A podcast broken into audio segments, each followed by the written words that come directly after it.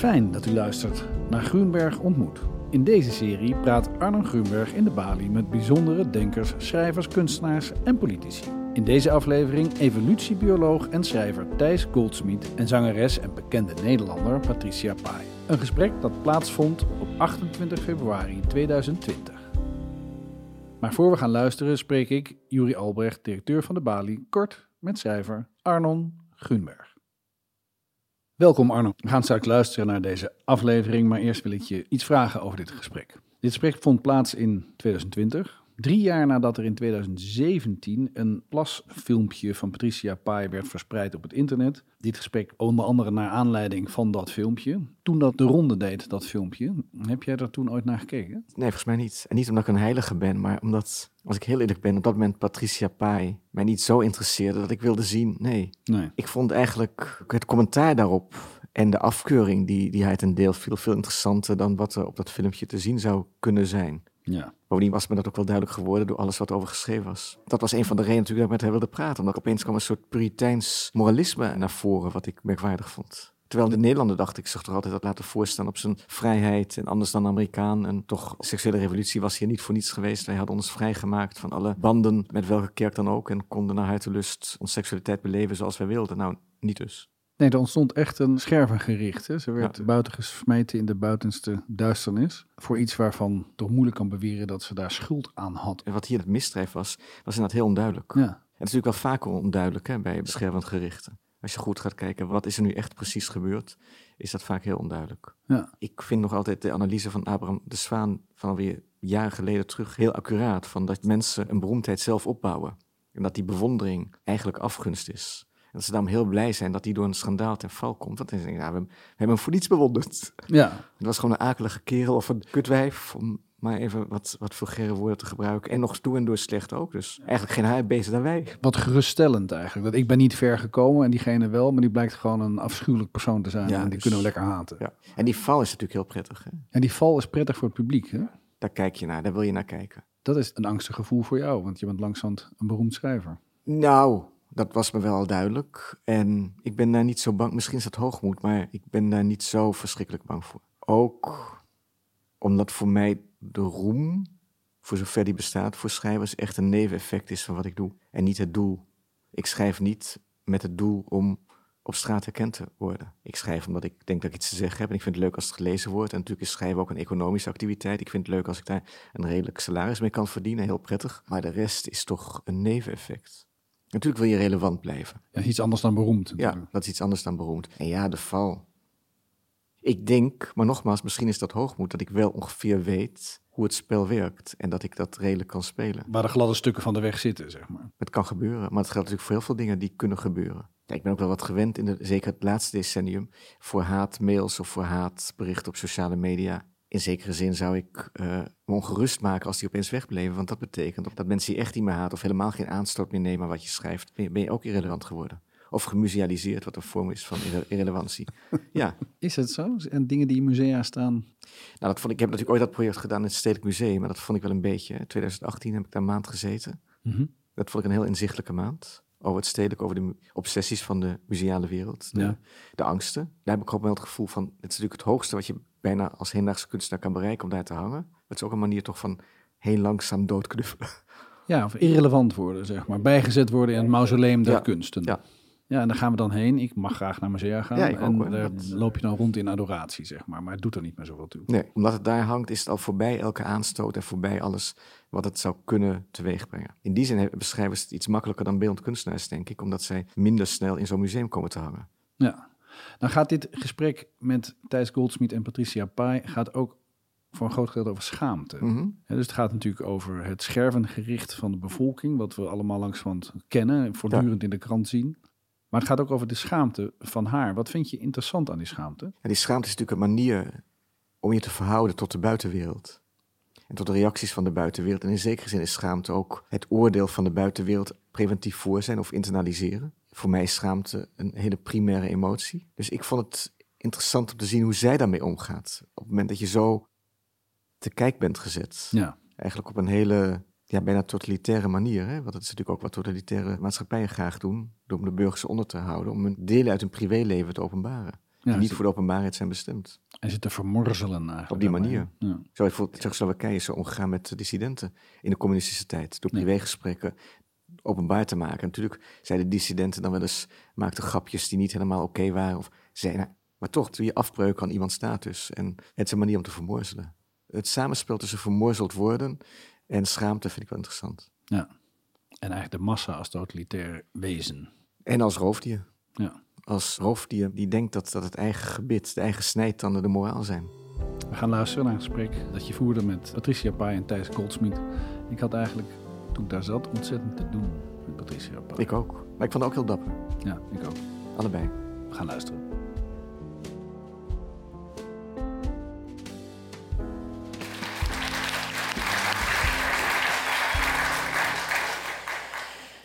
Eh, goedenavond. Ik ga u nu mijn gasten voorstellen. Ik begin bij Patricia Pai. Patricia, als ik iets zeg over je wat niet klopt, dan moet je me gewoon onderbreken. Afgesproken? Ja, zeker. Zeker. Patricia Pai, geboren in 1949, brak in 1967 door met de single Je bent niet hip. Bereikte in de jaren 80 internationale faam met de Star Sisters. Was aan het begin van deze eeuw te zien in een docu-soap, Adam's Family, met haar toenmalige partner Adam Curry. Stond eind 2009 in de Playboy en schijnt daarmee het oudste naaktmodel ter wereld te zijn geweest. Dat vind ik zo bewonderenswaardig. En toen ik dat las, heb ik mij voorgenomen, en jij bent mijn getuige en andere mensen ook, om, mocht ik dat halen, op mijn 75ste ook Ga naaktmodel. Ja, op Ga mijn- ook doen? Ga ik het ook doen. En ze me betaald, hè? Of ze willen, oh, ja, ze mogen het ook voor niets hebben tegen die tijd. Oh, Ja. nou dat doe ik niet.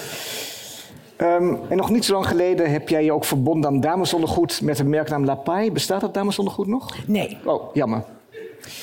In 2017 werd je slachtoffer van een schandaal toen een privéfilmpje van jou online werd gezet. Geen stijl speelde daarin weer zijn minder smakelijke bijrol. Maar om niet te eindigen met, met de smadelijke details, eh, nog, nog wil ik nog vermelden dat de faam van Patricia reikt tot Japan. En bij het eten vertelde jij me dat eh, je man ruim 40 jaar jonger is dan jij. Klopt dat? Ja. Waarmee ik vind dat je niet alleen menig mens moed maakt, maar waarmee je ook een belangrijke bijdrage levert aan de emancipatie. Want vaak zijn het mannen met jongere vrouwen. En jij bewijst ook hoe gelukkig je kan worden met een veel jongere man. Ja. Dank je wel daarvoor. Dat vind ik echt een. En dank je wel dat je helemaal uit, uit, het verre, uit, het ver, uit een ver dorp in Noord-Brabant Brabant. hierheen bent gekomen. Zo, het was echt een end. Het was een end. Ja. Maar je hebt ook gezegd dat je eigenlijk in Brabant geen goed gesprek kan voeren. Ik hoop niet dat mensen uit Noord-Brabant nu beledigd zijn. Ja, daarom kwam ik hier naartoe. kwam- ja. ik miste dat. Je miste dat. Ja. Nou, ik, vind, ik hoop dat wij dat goede gesprek kunnen gaan voeren. Thijs, ik ga je ook even voorstellen. Wij kennen elkaar wat langer dan Patricia en ik elkaar kennen. Thijs Goldsmith, geboren in 1953, schrijver en evolutiebioloog. Zijn bekendste boek Darwins Hofvijver, een drama in het Victoriameer uit 1994, is in talloze landen verschenen, werd genomineerd voor de ACO-prijs, won een wetenschappelijke prijs en zorgde ervoor dat Goldsmith in sommige kringen bijna net zo beroemd werd als Patricia Pai. Ben je het daarmee eens?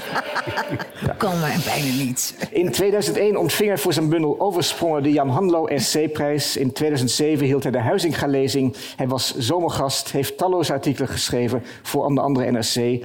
En dit jaar verscheen zijn nog niet genoeg geprezen brievenboek. Ik kan het u allemaal aanbevelen. Onvoldoende liefdesbrieven. Waaruit onder andere blijkt dat Nederlandse schrijvers die iets meer willen weten over biologie... onbeschraamd bij Goldsmith aankloppen. Ik zal mij vanavond in deze traditie voegen. Zij het niet dat ik me zal beperken. Zij het dat ik me niet zal beperken tot biologie. Heel goed. Ja, dat kijk, doe dat ik mag. zelf ook niet. Gelukkig. Ja. Om nog even een, na de verloop van de avond eh, met u, eh, met u, dat, ik, dat u weet wat u ongeveer kunt verwachten. Ik heb vijf thema's geselecteerd waarover we gaan praten. Eh, we beginnen bij de schandpaal. Dan gaan we naar dieren en schaamte. Vervolgens schaamte, seks en naaktheid. Dan een wat langer onderdeel waar heel veel in past. Het beschamen als middel om te domesticeren, te conditioneren, sociaal wenselijk gedrag af te dwingen en als middel tot groepsvorming. En dan eindigen we met schaamte, schuld en schuldgevoel en wat precies het verschil tussen die twee is. Ehm, en we beginnen met een filmpje dat Thijs ook al liet zien toen hij zomergast was. En dat eigenlijk, laten we daarna even, we gaan eerst even kijken naar het filmpje en dan gaan we erover praten, oké? It's an amateur bullfight in Saragossa, Spain, where anyone in town can take the bull by the horns. While most of these guys are smart enough to stay out of harm's way, This mixed up matador decides to run into the ring wearing, of all things, a red shirt. And he soon finds himself on the horns of a dilemma. Now he's definitely in over his head. Instead of proving his manhood, he's trying to cover up his manhood. The man escapes with his life, but leaves his pants and his dignity behind. As the bull struts by the fans doing his victory dance, the bare bottomed bullfighter slinks away, red from embarrassment. Eigen schuld, dikke bult. Hè? Want zo kan je het ook zien. Het woord dignity viel, het woord waardigheid. Is dit, is dit Thijs, voor jou bij uitstek een voorbeeld van hoe je je waardigheid verliest? Hoe je jezelf aan de schandpaal nagelt? Nou, wat voor mij het interessante aan het filmpje is... dat is dat, dat die man op de horens wordt genomen... eh, eh, een levensgevaarlijke eh, minuut eh, ervaart. Eh, hij overleeft het... En eh, het eerste wat hij doet als hij wegloopt, dat is zijn shirt naar beneden trekken. Nu is dat geblurred, heet dat Ja, geloof ik. Hè? ja. Dat was destijds nog niet gedaan. Maar eh, dat vond ik zo eigenlijk heel interessant. Dat iemand niet eh, zijn shirt uittrekt en blootdansend in die arena rondrent omdat hij het heeft overleefd. Maar dat het eerste wat hij doet is zich kennelijk schamen voor zijn geslacht. En dan heel onhandig waggelt hij naar de, Ja. naar de zijkant. En dat roept voor, bij mij allemaal vragen op over hoe diep, hoe diep eh, die schaamtegevoelens zitten. Je zou denken. eh, dat, dat, dat is iets wat je niet hoeft te leren ook. Dat, eh, dat, dat, dat, dat, dat, dat, dat, of, of misschien heel snel, een heel snel leerproces. Maar dat eh, zou, zou een heel belangrijke genetische component kunnen hebben misschien. Terwijl tegelijkertijd denk je, ja, die man draagt kleren. Mensen dragen nog niet zo heel lang kleren. Hè? Een paar duizend jaar.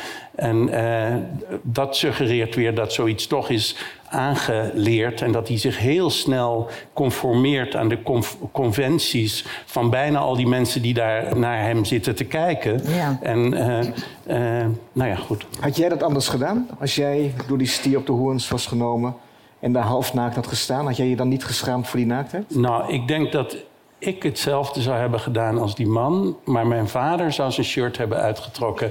Jouw En, vader? Ja, mijn vader was eh, minder beschaamd en had minder eh, last van eh, de blik van anderen eh, dan, dan ik. Zeker toen ik jonger was. In je brievenboek noem je je vader ook ergens een narcist. Is er verband tussen onbeschaamdheid en narcisme? Eh, misschien, dat durf ik niet zo maar te zeggen, maar dat zou mij niet verbazen dat je. Als je jezelf heel graag blootstelt aan andermans blikken. Ik denk dat de meeste acteurs wel nar- narcistische trekken hebben. Het hoeven geen eh, pathologische trekken te zijn. Maar, en die kunnen soms zelfs heel nuttig zijn voor een acteur. Anders durf je het podium niet Nee. op. Ehm, maar dat betekent ook wel dat hun schaamtegrens wat lager is. Want eh, ik zou dat bijvoorbeeld eh, vrij eng vinden. Is dat toch Maar maar, ze spelen ook een ander, hè? Ze spelen een ander. Dat, Dat maakt Dat natuurlijk ook. veel uit. Ja. hoe zou jij je hebben gedragen in zo'n situatie als deze jonge man? Nou, ik, ik, ik, ik zit gewoon te denken, wat dacht hij nou? Wat, wat dacht die man nou? Wat wilde die gaan doen? Daar moest je al voor schamen natuurlijk. Ja. Om, om een stier te gaan pesten. Dat sowieso. Ja, dat is Ja, dat vind ik gewoon belachelijk. En eh, dat hij dan zich daarna schaamt voor zijn blote billetjes. Wat een lafaard. Maar ja, Spanjaarden Lafaard. zouden zeggen: dit is een, een dans met de dood. Die Ja. zien het als iets heel moois. Ja, Dus nou, ik heb er geen woorden voor. Ik vind het verschrikkelijk. Voor stieren, nee, dat, dat begrijp ik. Ja. Maar dat is weer een, Ehm, heb jij je ooit geschaamd voor naaktheid? Nee, want dan zou ik niet in de Playboy gestaan. Maar Nou ja. ik was nooit helemaal naakt hoor. Het was toch altijd wel eh, hier en daar bedekt en chic. Ik moest het wel chic houden. En, eh, maar ik vond het eh, altijd heel makkelijk. Ik heb er geen eh, problemen mee gehad. Eh, meestal was ik wel alleen met mijn fotograaf. Dus dat is dan heel... eh, je kent elkaar en al jaren. En, dus dat vond ik ook helemaal niet eng. En ik kon ze ook allemaal zien, de foto's. Ik kon ze keuren. Als ik het niet leuk vond, dan ging het niet door.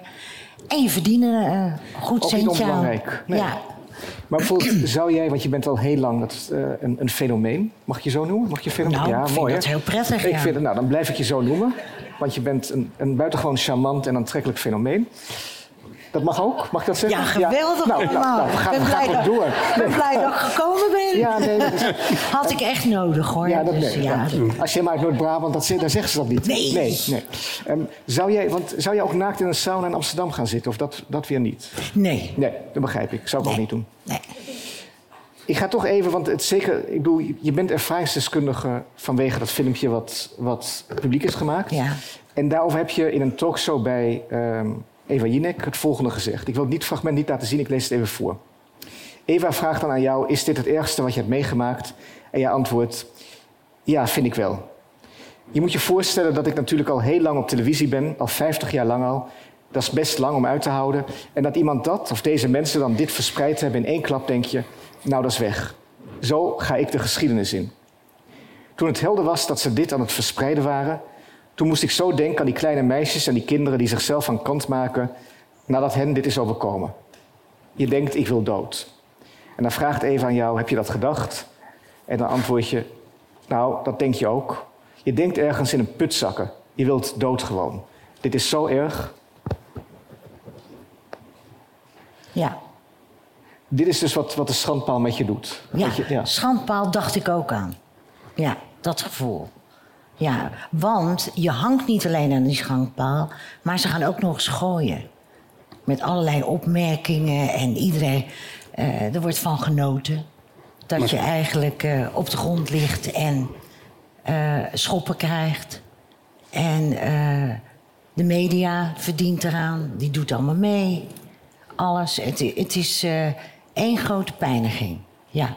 Maar kun je het wel een schandpaal noemen? Want meestal in het verleden, in de tijd van de schandpalen, Ja.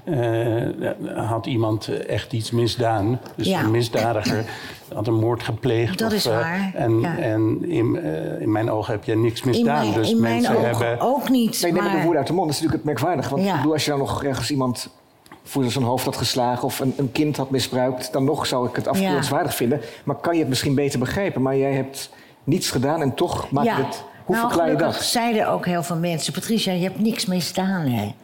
Want zo ga je je opstellen. Maar ehm, ik, dacht, ik dacht wel... Kijk, vroeger, je had dit allemaal niet. En dat kwam je ook niet tegen. Ik, ik, ik was ook helemaal niet gewend dat het allemaal zo ver ging. En ik ben daar zo van geschrokken. En ik snap ook niet dat andere mensen dit iemand aandoen. Dat, eh, Maar weet begrijp je, ik nog niet. Weet je de motieven van de mensen? Ken je de motieven van de mensen die dat hebben gedaan? Nou, eh, ik weet heel veel. Ik ben ook achter heel veel eh, gekomen. De, de OM heeft me daar ook mee geholpen. Eh, die zijn heel lang doorgegaan om te kijken waar, waar, waar het vandaan komt. Ja, en toen ben ik er natuurlijk wel achter gekomen. Maar ja, wat schiet ik er eigenlijk mee op? Het, de kwaad, het kwaad is al geschied. Dus Nee, ik dacht bij mezelf, nou, ik ga er verder niet... Geen rancune verder en eh, erop af. Want ik maak het alleen maar erger. En het, het, het leek me beter om gewoon trots door te gaan. Hier overheen te stappen. En het maar vergeten. Maar je zei wel net bij het eten dat een van de redenen dat je naar Noord-Brabant verhuisd was... was dat je zo gepest werd, zoals jij het noemde. Ja, ik, eh, het is natuurlijk, het hoort bij internetpesten. Ja. Daar begint het bij. En ik ben blij dat ik eigenlijk een van de eerste was waar. het- Het klinkt heel raar, maar waar dit allemaal mee gebeurde. En ik ben natuurlijk ook nog eens bekend. Eh, want ik heb wel veel kunnen veranderen in tussentijd. Wat heb je Eh, kunnen veranderen? Nou ja, het wordt gestraft. Het, het was, er was toen helemaal geen straf voor. Het wordt bekeurd, er wordt gestraft. Eh, ze gaan ze echt opzoeken. En, en ehm, ze worden natuurlijk vervolgd. En eh, daar ben ik blij om, want dat was daarvoor helemaal niet. En daarna zijn er mensen gekomen die echt wel ook een rechtszaak hebben aangespannen en daar iets aan gehad hebben. Dus daar ben ik blij om. Maar ik was ook heel verdrietig toen ik hoorde dat zo'n jongen naar beneden was gesprongen. En toen dacht ik, ja, ik begrijp het wel. Want zo'n kind, ik kan best wel tegen een stootje. Maar zo'n Wie is kind, naar beneden gesprongen? Sorry. er was een, een jongetje van eh 14 of zoiets, 14 of 15. En Hmm. die was eh, naar beneden gesprongen van het dak. En eh, die konden gewoon de schaamte niet aan. Kijk, hun wereld is natuurlijk school, Want die was ook- wat was er met dat jongetje gebeurd? Ja, die, wat, die had een, eh, een filmpje eh, had hij, en, en dat was eh, viral gegaan op school. En iedereen lachte hem uit. En hij kon het gewoon niet aan. En dat vond ik zo erg. Dacht ik, oh, had ik maar naar hem toe kunnen gaan. Had ik maar kunnen zeggen, ik weet wat je voelt, maar laat het voorbij gaan. Ze zijn het niet waard. En ik vond het zo erg dat ik er niks aan kon doen. Toen was hij al weg. Ik denk dat de meeste mensen ongeveer weten waar het over gaat. Ik moet bekennen, ik heb het filmpje niet gezien. Niet omdat ik een goed mens ben, maar omdat mijn nieuwsgierigheid op dat moment nog niet groot genoeg was. Dat laat ik zo. Je hebt het filmpje wel gezien en je zei, Ja, er ik is iets het wat je, je... Eigenlijk had je zelfs ge- ge- gevraagd of we het hier konden laten zien. Dat doen we niet. Nee, maar Wees niet ik, bang. Maar ik was zou dat eerst vragen? Of Ja, dat tuurlijk, dan, tuurlijk, eh, tuurlijk. Je bent Ja. een Mag, heel, maar- heel beleefd en lief mens. Patricia zei net tegen je, en ik sluit me daarbij aan, want ik wil niet dat jij denkt dat ik jou geen complimenten maak vanavond. Patricia zei net, Thijs, wat heb jij een lief gezicht. Wat heeft die man een lief, Lief, en dat, gezicht. dat, Ja. dat, dat moet ook even worden Maar ja, vastgesteld. laat ik me nog even inhouden. Ik weet niet wat er komt. Nee, nee, nee. Maar eh, volgens mij ben je ook... Nou ja, ik ben nogal visueel ingesteld. Dus Ja. ik zou het, het heel fijn vinden om eh, het beeld te zien. Het verbaast mij ten eerste dat het, dat filmpje nog op te klikken is. Nou, heel erg. Ja, we hebben er alles aan gedaan. Maar dat is blijkbaar niet. Wat op het eh, internet staat, gaat niet gauw weg. Nee. Maar ik vroeg mij, als, als ik het niet meer vragen mag, moet je het zeggen, eh, af of dat een eh argeloos gemaakte home video is. Gewoon Ja. voor de lol, omdat je iets wil uitproberen of benieuwd bent hoe iets. eh, Nou, we hadden het daar er net over. Ik ben nogal levensnieuwsgierig. Hè? En ik heb in mijn hele leven altijd wel... oh, dat wil ik proberen. Oh, dat wil ik ook eens meemaken. Zo ben ik wel. En ik zeg, ja, je gaat wel eens de mist in. Was niet de dat, bedoeling. dan, dan is dat een, een spel wat Ja. be- bedoeld is voor, Ja. eh, Intern gebruik. voor intern Ja, gebruik. natuurlijk. En het is misdadig om dat tegen de wens van eh, iemand in Ja, het is eh, gewoon ergens te publiceren. Ehm, maar als ik het filmpje bekijk, zitten er voor een, voor een bioloog allemaal interessante dingen in. Vertel. Nou, b- bijvoorbeeld de cameravoering. Dus je ziet, een, je ziet eh, een onderdeel van een man en, een- en een gezicht van een vrouw. En eh, die man heeft geen hoofd en geen lichaam. Alleen maar een stijve eh, eh, Piemel. piemel. En eh, die is nog een beetje overbelicht, een beetje spookachtig vond ik hem. Ja. Maar goed, en jouw gezicht ontvangt dan Ja. een straal plas. Ja. En je werkt dat weer naar buiten. En, Ja. Maar als je ziet hoe jij bent gefilmd, is dat centraal in, in beeld. Je wordt ook niet. Er, plast niet iemand over je heen als een vernederende Nee, daad. nee, nee, nee, Dus nee, in, in- nee, maar voor mij is dat dan interessant, die houding die is gekozen. Die heeft ook inderdaad iets eh, eh, van een spel. In, in, in- Dat heb je goed an- an- gezien, Anders ja. dan dat een, een dominant dier even gaat markeren. Ja. En, eh, Dus je zou, ik, ik ga, want omdat we een beetje ook in tijdnood zitten, ga ik je even onderbreken, want ik vind het wel heel interessant. Maar zou jij hier een biologische verhandeling over kunnen schrijven als bioloog? oh, makkelijk. ja. Oh, dat geeft toch weer een hele Dat andere wending, ja, hè? hè? Ja, dat- ja. Heb, heb, jij, heb jij jezelf eigenlijk ooit gefilmd tijdens seks? Of laten filmen? Eh, nee. Nee, ook nooit de behoefte Moet je gevoeld? toch eens doen. Moet je ja, toch- ja, ja, ja. Ja, beter laat dan nooit. Alles een keer proberen. Nee, maar dit was, ik kan u daar antwoord op geven. Dit was gewoon, durf jij dat? En ik zei, ja hoor. Nee, maar het ziet er geregisseerd uit, alsof je precies... Nee, helemaal niet. Je, je zou denken, iets met plassen, dat is eh, controle verliezen... en dat is, kan spannend Nee, want zijn dit was gewoon met een telefoontje. Ah, ja. Ja. En die zijn heel goed, hè? Ik, ik kijk uit naar je verhandelingen hierover. Dan gaan we daar over plasseks in het Ja, algemeen misschien. Oké, we gaan even, ik wil even terug toch naar, de- naar het publiek, want die speelt een belangrijke rol bij de schandpaal. En eh, gisteren was ehm, een van mijn uitgevers, Elik, die stuurde mij een stuk van Emily Gold. Een eh, Amerikaanse schrijver die ook lang voor Gawker werkte. Een, web- een website die niet meer bestaat. Waar ehm, onder andere een beetje op, be- op het, geroddeld werd op het betere niveau. Eh, zij werd toen ook het slachtoffer van ehm, een schandaal. Ze werd aan de schandpaal genageld zelf. En zij heeft in dat stuk beschreven eh, hoe ze zich daarbij voelt. En daarbij maakt ze ook een, eigenlijk een, een, een, een opmerking, een terzijde die ik heel interessant vond. En dat ging dan over een debat tussen Trump en Clinton in 2016, waarbij Trump Clinton vernederde. En zij zat het kijken, zij zat het debat aan het bekijken met haar vrienden in Brooklyn. En uiteraard, nou ja, in Brooklyn is iedereen niet voor Trump, maar voor Clinton. En dan zegt ze dat, dat haar vrienden toch ontzettend moesten lachen om de manier waarop Trump Clinton vernederde. Ik weet niet meer precies wat er gebeurde, dat doet ook niet toe. Hij vernederde haar tijdens het debat. En dan schrijft ze over dat lachen van, dat, van, van haar vrienden en van het publiek. There is some animal instinct that makes people laugh this way. I'm sure it's the way people used to laugh at public executions. You can hear the relief in it. Relief that someone else is the one who's in danger. Is dat, denk je, ook een, een, een reden dat, dat het publiek eigenlijk zich zo... Is dat, is dat ook een, het vermaakt. Is dat eigenlijk ook toch de, de ontzettende opluchting dat jij het niet bent die daar Dat wordt vernederd? Hele goeie. Ja. zou best kunnen. Met pesten is het ook zo dat de pesters eh, heel vaak eh, mensen of kinderen zijn die niet zo hoog in de sociale hiërarchie staan. En zolang ze pesten, worden ze nog niet gepest. En ver- vermaken ze zich eh, om het feit dat een, een, een ander wel wordt gepest en zondebok is of doelwit. Of, eh, en in, in, in de, het woord lachen is voor mij heel beladen, omdat het niet per se eh, eh, met vermaak te maken hoeft te hebben. Dus wij, het- de lach is eigenlijk een heel oude gelaatsexpressie met allerlei varianten van glimlach tot. Uitlachen, en, ja, toelachen. Die glimlach kan Ja. onzekerheid betekenen, het kan vriendelijkheid betekenen, het kan.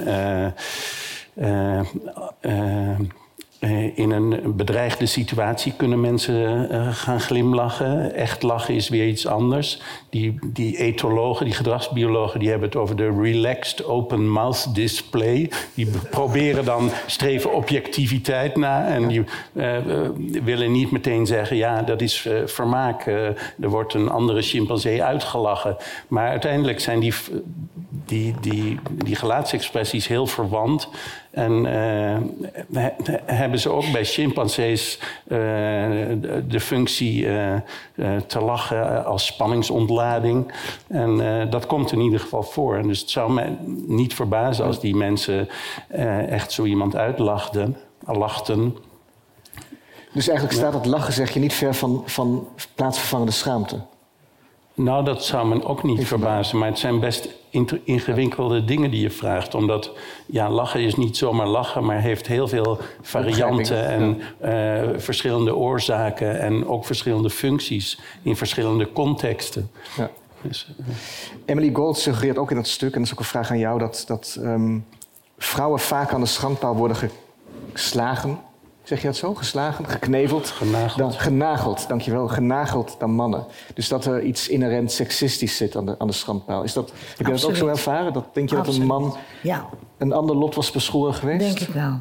Ja, ik denk dat er ook eh, andere mannen weer dan zouden zeggen tegen diegene van... goed van jou zeg, wel leuk. Ja toch, dat zeggen toch mannen tegen elkaar? Eh, soms, ja. Ja. Oh, voel je, voel je... Nee, nee, nee, nee, nee, nee, nee, tegen mij zeggen ze dat bijna nooit. Nee, maar het is dat- zo. Het is, het, is, het, het is inderdaad. Het is een eh, heel groot verschil. En eh, nou ja, je vindt ook eigenlijk geen filmpjes eh, waarin een man eigenlijk voor lul staat. Om het even zo te nou, zeggen. we hebben er net een gezien met ja. de stier. Ja. Nee, maar Ja, dus, eh, zeg maar eh, Ja. met seks. Want dat is dan niet zo. Nee.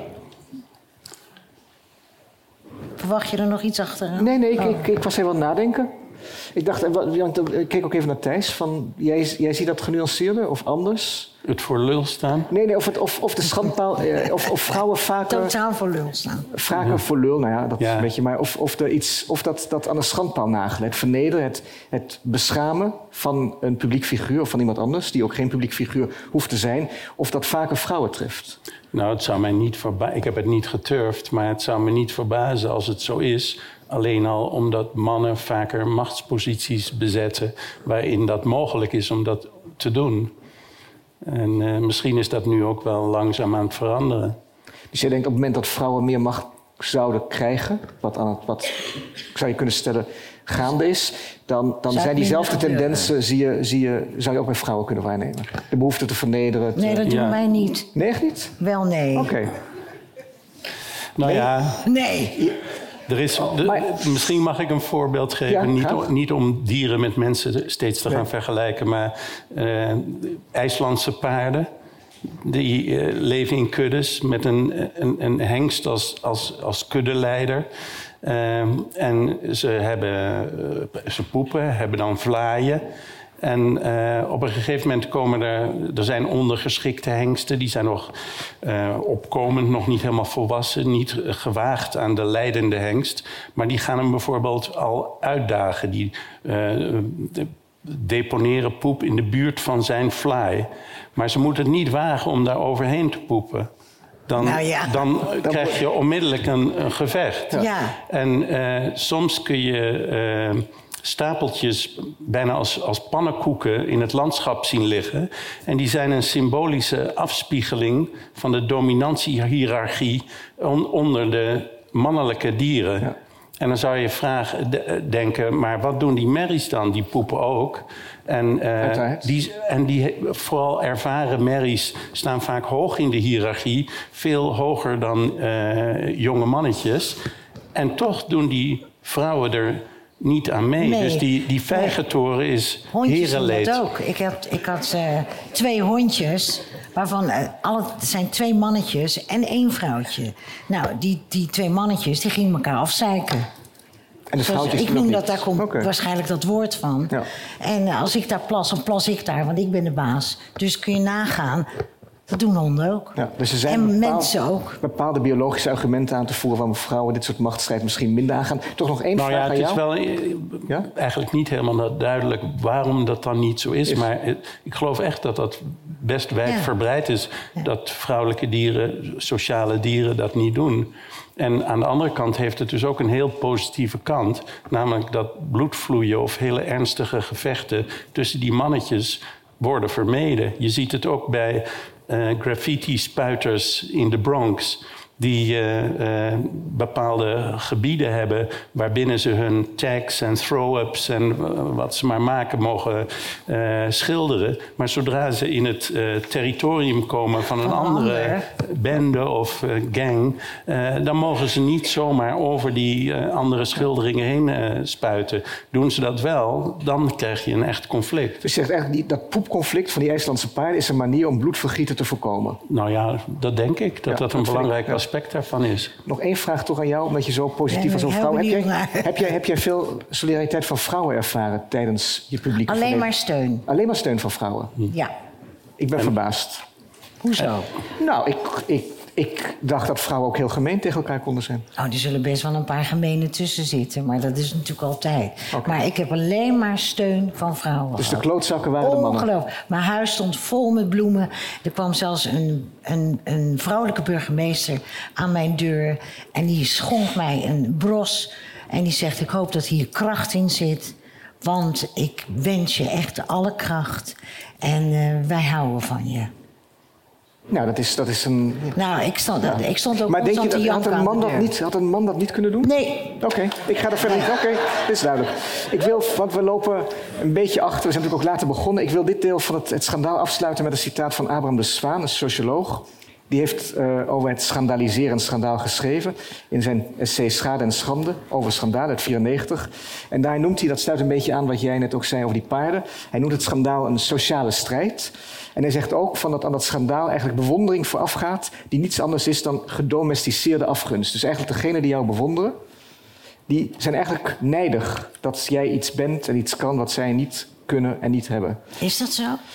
Dat zegt de zwaan. Ik vraag het aan jou. Is dat wat je herkend hebt? Is dat iets wat je zelf hebt ervaren? Dat toen die bewondering, dat, jou, dat degene die jou bewonderde, ehm, jou plotseling gingen afvallen? Of zijn degenen die jou altijd bewonderden, jou blijven bewonderen? Ongeacht wat er gebeurde. Ja, ik heb daar geen last van gehad. Dus jij denkt dat de zwaan het fout heeft? Ja. Oké. Het komt eigenlijk van Louis Tas weer, hè? Want die, ja. die, die, die had het over bewondering als gedecafeïneerde afgunst. Dat is ook een goeie, ja. Ja, dat kan.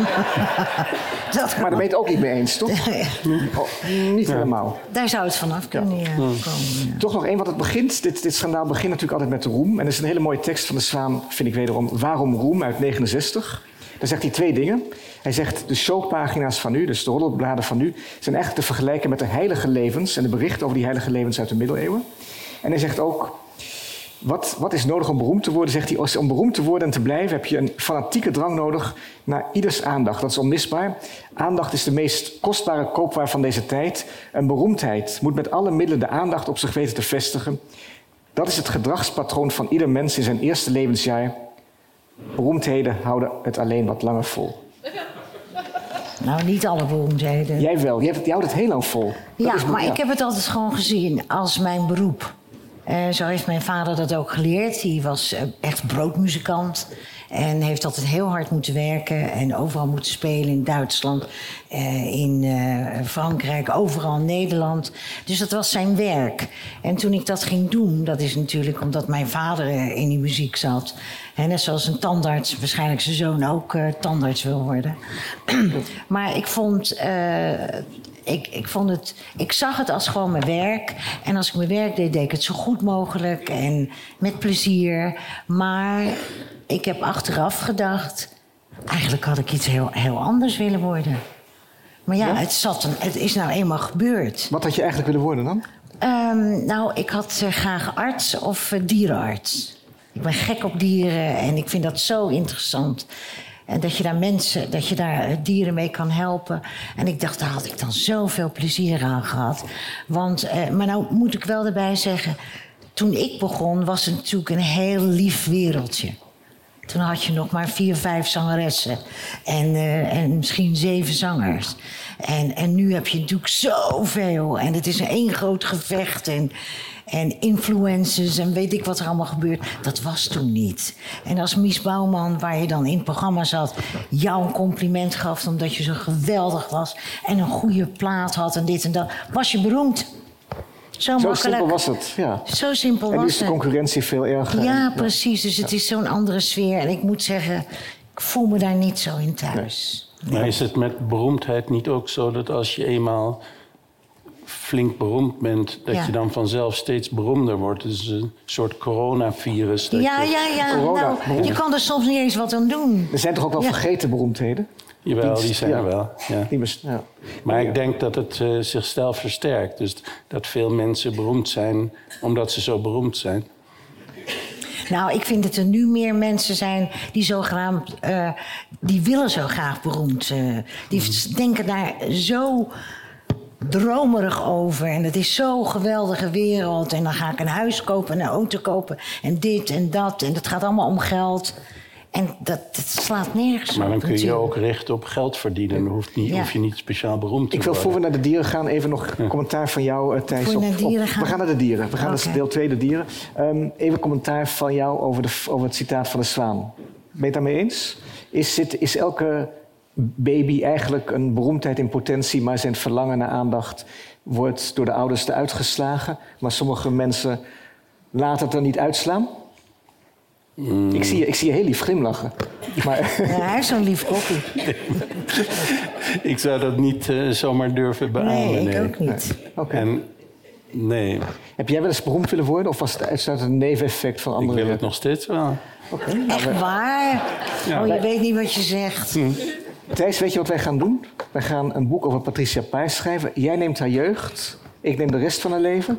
En dan worden we allebei nog veel beroemder dan we al zijn. Oh ja. Ja? Dat hoop ik voor je. Mag ook, dan mag je ook de biologische verandering over dat filmpje in dat boek kwijt. En dan wordt het ook nog een bestseller. Oké. Ja, ik vond het wel ik ga naar- we gaan naar dieren en schaamte. Ik wil even over dieren, want er is al vaker gesproken. We hebben ook in een voorgesprek even over dieren eh, gesproken... naar aanleiding van het boek van Frans de Waal. Maar in jouw door mij al eerder geprezen eh, brievenboek zit een citaat... wat ik eigenlijk heel mooi vond. Wat ik nog even wil voorlezen. Mensen die zich schamen laten dikwijls overspronggedrag zien. Aan het hoofd krabben, aan hun neus zitten... oversprongtrekjes bij rokers... Maar omgekeerd bewijst het vertoon van overspronggedrag van een kat niet dat hij zich schaamt. Overspronggedrag komt ook voor bij dieren die zeker niet tot zo'n complexe emotie als schaamte in staat zijn, zoals hagedissen of vissen. Kan je hierop wat zeggen? En even misschien nog uitleggen voor, ook voor ons allemaal wat overspronggedrag precies is. Ik vind dat ook iets heel fascinerends. Ja, eh, het overspronggedrag is een, eh, een type gedrag dat als eerste is beschreven door Nico Tinbergen en Adriaan Kortland. Die publiceerden daar in 1940, toen de gedragsbiologie nog niet zo ontwikkeld was, een artikel over. En eh, eigenlijk is het een beetje een gekke naam, want er wordt niet zozeer overgesprongen. Maar het idee is dat als twee inwendige neigingen precies met elkaar in, strijd zijn en precies elkaar opheffen, dat er dan opeens gedrag uit een heel andere hoek, een ander systeem op- opborrelt, wat in die context irrelevant is, ehm, maar wat je desondanks vaak ziet. Ehm, bijvoorbeeld als je op het punt staat om over te steken, weg over te steken, kijk je even naar links, kijk je naar rechts. Je wilt naar de overkant, dat is de ene neiging, maar er komt hard een auto aan. Dus dan denk je, oh nee, toch maar niet. En als die neiging om over te steken of niet over te steken precies in balans zijn, doe je even zo. En dit, Nee, eerlijk. En dit is, een, dit is eigenlijk een beweging, of je duwt je bril omhoog als je die hebt. Eh, dat is een beweging uit het eh, repertoire van vachtverzorging als je het over dieren hebt. Dus dat stamt eigenlijk nog uit de tijd. Je hebt helemaal geen jeuk, dus je, verwijdert niet een, een parasiet. Je, doet, je krabt even. En ja, eigenlijk doe je iets wat hoort bij vachtverzorging en niet bij een weg oversteken. En, eh, Ik zou denken, oh shit. Jij- en dat, dat, dat, dat gedrag blijkt heel wijdverbreid. Dus je vindt het bij vissen, bij, Hoe bij vissen dan? Wat is overspronggedrag bij vissen? Ehm, ja, bijvoorbeeld, eh, eh, er komt eh, bij stekelbaarsjes die een territorium hebben en een nest in het midden van hun territorium. Die willen daar, die mannetjes hebben een, eh, een nest, die doen alle verzorging van eh, de eieren en de jongen. Dus een totale rolomkering. Hè. Wij denken heel vaak in termen van mensen, maar mannetjes die de, het broedsel verzorgen, dat is heel wijdverbreid bij dieren. En die zoeken dan vrouwtjes om naar hun nest te leiden en eieren af te leggen in dat nest. Dan eh, kruipt het mannetje daar snel overheen en bevrucht die eieren. Het vrouwtje gaat weg, kijkt er niet naar om. Het enige wat zij gaat doen is eten en nieuwe eieren maken. En die deponeert ze dan weer bij een ander mannetje of bij hetzelfde. Maar dat mannetje heeft op een zeker moment de neiging om dat vrouwtje weg te jagen als ze aan de rand van het territorium ligt, dus aan te vallen. Hij is eigenlijk agressief, maar tegelijkertijd wil hij haar naar zijn nest brengen. Dus eigenlijk heeft het mannetje een intern conflict. Dus eh, als die neigingen precies hetzelfde zijn, gaat hij opeens met zijn vinnen voor de ingang van het nest staan wapperen. Alsof er zuurstof door dat nest. Dat noemen ze oversprongwaaieren of oversprong ventileren. Dus zelfs een vis doet dat. Maar als ik in een, in, in, in een kroeg sta met een glas wijn in mijn hand en ik overweeg jou aan te spreken, maar ik durf het niet zo goed, dan doe ik even zo. En dan durf ik het misschien. Dus En de, misschien de oversprongslok is dat. Zou je dan volgens deze theorie roken ook als, als puur overspronggedrag kunnen zien? Ja, in, roken, dat heeft dat, vast ook allerlei andere functies. Hè. Mensen zijn verslaafd aan de Aan de- sigaret, aan de nicotine. eh, maar nerveuze mensen die roken zijn wel geneigd om precies in zo'n situatie waarin ze aarzelen iets wel of iets niet te doen, even een trekje te nemen. Dus die, die, die rokers die, die zenuwpeest zijn, eh, die paffen enorm door. Je gaf toen ik bij jou was met wat studenten van de VU, een paar maanden geleden, gaf je ook een heel mooi, maakte heel mooi duidelijk waarom overspronggedrag met schaamte te maken heeft. Toch ons thema van de avond. En toen zei je van ja, dan sta je in een Parijs café en je zwaait om de ober naar je toe te lokken en hij ziet je niet en dan ga je maar een Ja, ja, ja, ja. Oh, Alsof je eigenlijk, dat vind ik zo mooi. Dus ik Nou ja, ik ken het zelf heel goed. Ik, ik hou daar niet zo heel erg van om op te vallen. Ehm, en, eh, maar soms als ik in een café ben, dan wil ik toch iets bestellen. Eh, dus dan steek ik mijn vinger op. En dan komt er uiteindelijk, meestal, ik heb helemaal geen gezag. Dus het duurt altijd heel lang voordat er iemand komt. Maar goed, uiteindelijk dan, dan zit ik zo en dan komt er weer eens niemand. Dan doe ik zo. En, maar dan wil ik even het verschil uitleggen tussen Amsterdam en, en Parijs. Dus in, in Amsterdam krap je maar wat. Maar zijn de obers ja, zo weinig geïnformeerd dat ze dit niet zien als een signaal. Maar in Parijs heb je hele goede obers. En je doet maar zo. Je hoeft eigenlijk niet eens je vinger op te steken. Je doet gewoon zo. En ze komen al. Echt waar. Ja. Geweldig, weer wat Dat is, oké, dat is, we kunnen eigenlijk ook de hele avond over overspronggedrag praten. Toch nog even terug naar dieren en schaamte. Thijs, jij bent eigenlijk er niet van overtuigd. Je bent sceptisch over de schaamtemogelijkheden van dieren, van andere dieren dan mensen. En jij zei net, Patricia, bij het eten, dat jouw hond zich heel vaak schaamt. Je bent een groot liefhebber van honden, vertelde je. Ja, eh, sowieso dieren, alle Ja. dieren. Maar Je bent vaak verliefd Ik- op honden, zei je? Ja, heel Ja. verliefd. En dan, eh, ik vind het leuk om ze ook te bestuderen wat ze nou allemaal aan het doen zijn. Hè? En ehm, eh, een van mijn hondjes is eh, Lily, is een meisje. Gedraagt zich ook als een meisje. En als je tegen Lily zegt, wat ruik ik, heb jij een windje gelaten? Dan doet ze... Ze doet het echt. Schaamt zich dan helemaal van... Oh, kijk me niet aan. Weet je wel. Dus ik vind dat zo leuk dat je dat bij dieren wel ziet. Tenminste, die dieren. Ja. Maar zou je, je zegt met nadruk dat het een meisje is. Zou Ja. een jongenshond, een mannetjeshond... Nee, dat die heeft een scheid aan. Oh, die hebben een schaam. Oké. Die Tijn- kan mij het schelen. Thijs, ik kijk naar jou voor biologisch commentaar. Nou ja, Wij zijn een leuk duo, hè? ik, ik zou eh, eh, met alle respect heel sceptisch zijn of zo'n hond zich dan echt schaamt. Ik sluit het helemaal niet uit hoor, dat honden zich kunnen schamen. Maar of een hond zich dan echt schaamt omdat hij een eh, wind heeft gelaten of scheet, dan zou ik denken, misschien heeft hij dat toch van Patricia geleerd. Nee.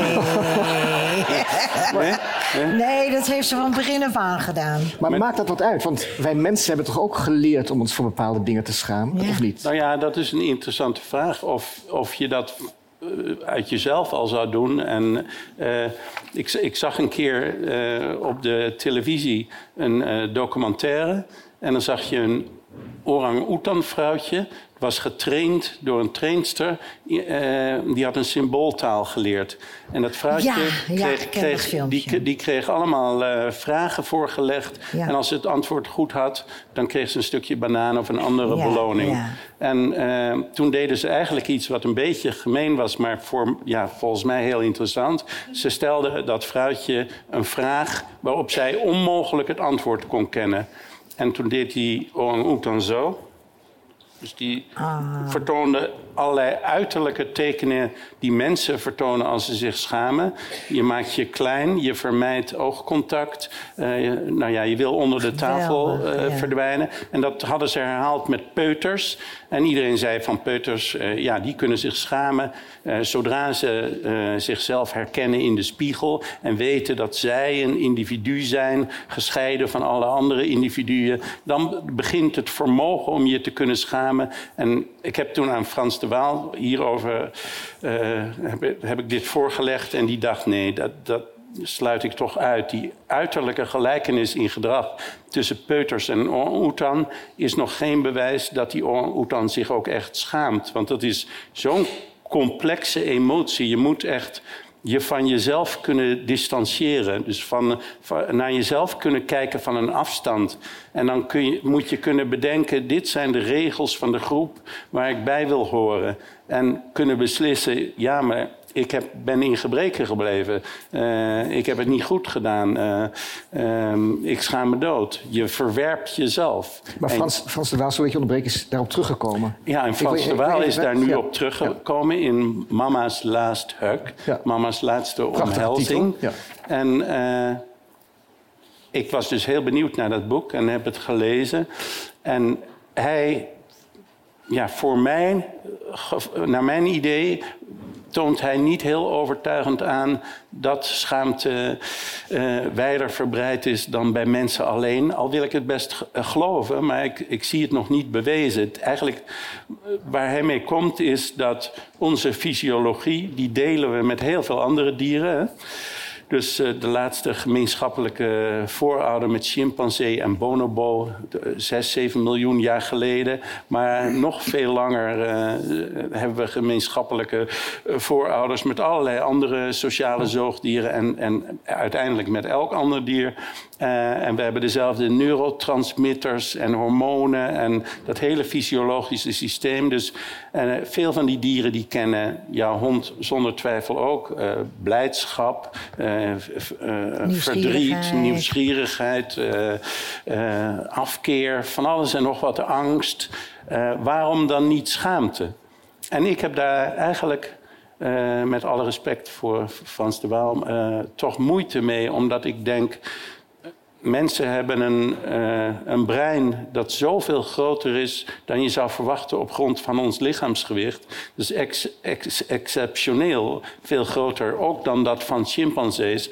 Waarom zou er niet bepaalde eh, emoties bij kunnen eh, zijn gekomen in de loop van de evolutie die meer denkvermogen eh, vereisen? Denkvermogen dat mogelijk die nauwste verwanten van ons niet bezitten of nog niet Maar bezitten. zeg je dat, dat voor schaamte meer intelligentie nodig is dan voor blijdschap en nieuwsgierigheid? Dat zeg ik, ja. Ja. ja. dat denk ik ook. En waarom denk je dat? Nou, omdat je, om blij te zijn, eh, hoef je eigenlijk niet eh, te weten wie je zelf bent. En dat je een individu bent, gescheiden van anderen. En je, eh, die, die schaamte is echt een morele emotie die gerelateerd is aan alle andere leden van de groep. Dus het is bij uitstek een sociale emotie. Daarom had Joop Goudsblom het ook over sociale pijn als je beschaamd wordt. Ja, ken je dat? Als schaamte? Ja. Ja. Ik denk dat. eh, oh, kijk, hoe zal ik het onder woorden brengen? Dat lager geschoolde en als je zegt van een soort hersenloze mensen noemt dat altijd. Die durven Wacht even, la- laaggeschoolde mensen noem je soms hersenloze mensen? ja, soms, dat, mag je zeg niet je dan, Bali maar zeggen, dat mag maar- niet. Maar oké, Liever niet, dus ehm, Je hebt, mensen je hebt die. heel intelligente analfabeten. Ja, maar ik, ik bedoel echt mensen dat je denkt, jezus, wat ben jij stom zeg, weet je. Ja, die Dat. zijn er ook. Die zijn ja. er ook. Nou, die bedoel ik. Ja. Maar die zijn niet per definitie laaggeschoold. Nee, Laten we dat nou oké. Ja. Nee, want ik ken ook een paar die... eh, Die de universiteit hebben ja, afgemaakt maar en toch boeien. denk ik ook, wat ben je stom. Ja. Ehm, en die durven toch wel eens wat te doen dat je denkt van... ja, dat, dat doe je toch niet? Maar die denkt er dan niet bij na. En ze denken minder na, dat bedoel ik. Dus die zijn er ook. Ja. En voor jou, net als voor Thijs... En ik ja. geloof dat hele erge, intelligente mensen langer nadenken. En dat had ik ook En zich dus doen. meer schamen. Blo- Bloos jij veel? Nee, maar nee, dat geloof ik niet. Maar dat zie je ook niet, want ik heb make-up op. Ja. dit. Ik wil het toch even over bloos hebben voor we, want het- de tijd vliegt Wel zoals het leuk, heet. blozen. Want, en ook een mooi stukje weer wat Thijs heeft geschreven over bloos. Het is een lang stukje, maar ik vind het erg mooi. Mag ik het voorlezen? Ja, ga. Weer uit het briefboek. Darwin, schrijft Thijs, had goed gekeken. Ken je dit citaat uit zijn boek Het uitdrukken van emoties bij mens en dier? Mijn hevig gevoel van schaamte bestaat een sterke wens tot verschuiling. We draaien ons lichaam weg, maar van het gelaat dat we dan op een of andere, op een of andere manier proberen te verbergen. Dat is een beetje wat je net over je hond zei. Een beschaamd persoon kan nauwelijks verdragen dat hij de blik van de aanwezige ontmoet, zodat hij altijd zijn ogen neerslaat of achterdochtig kijkt.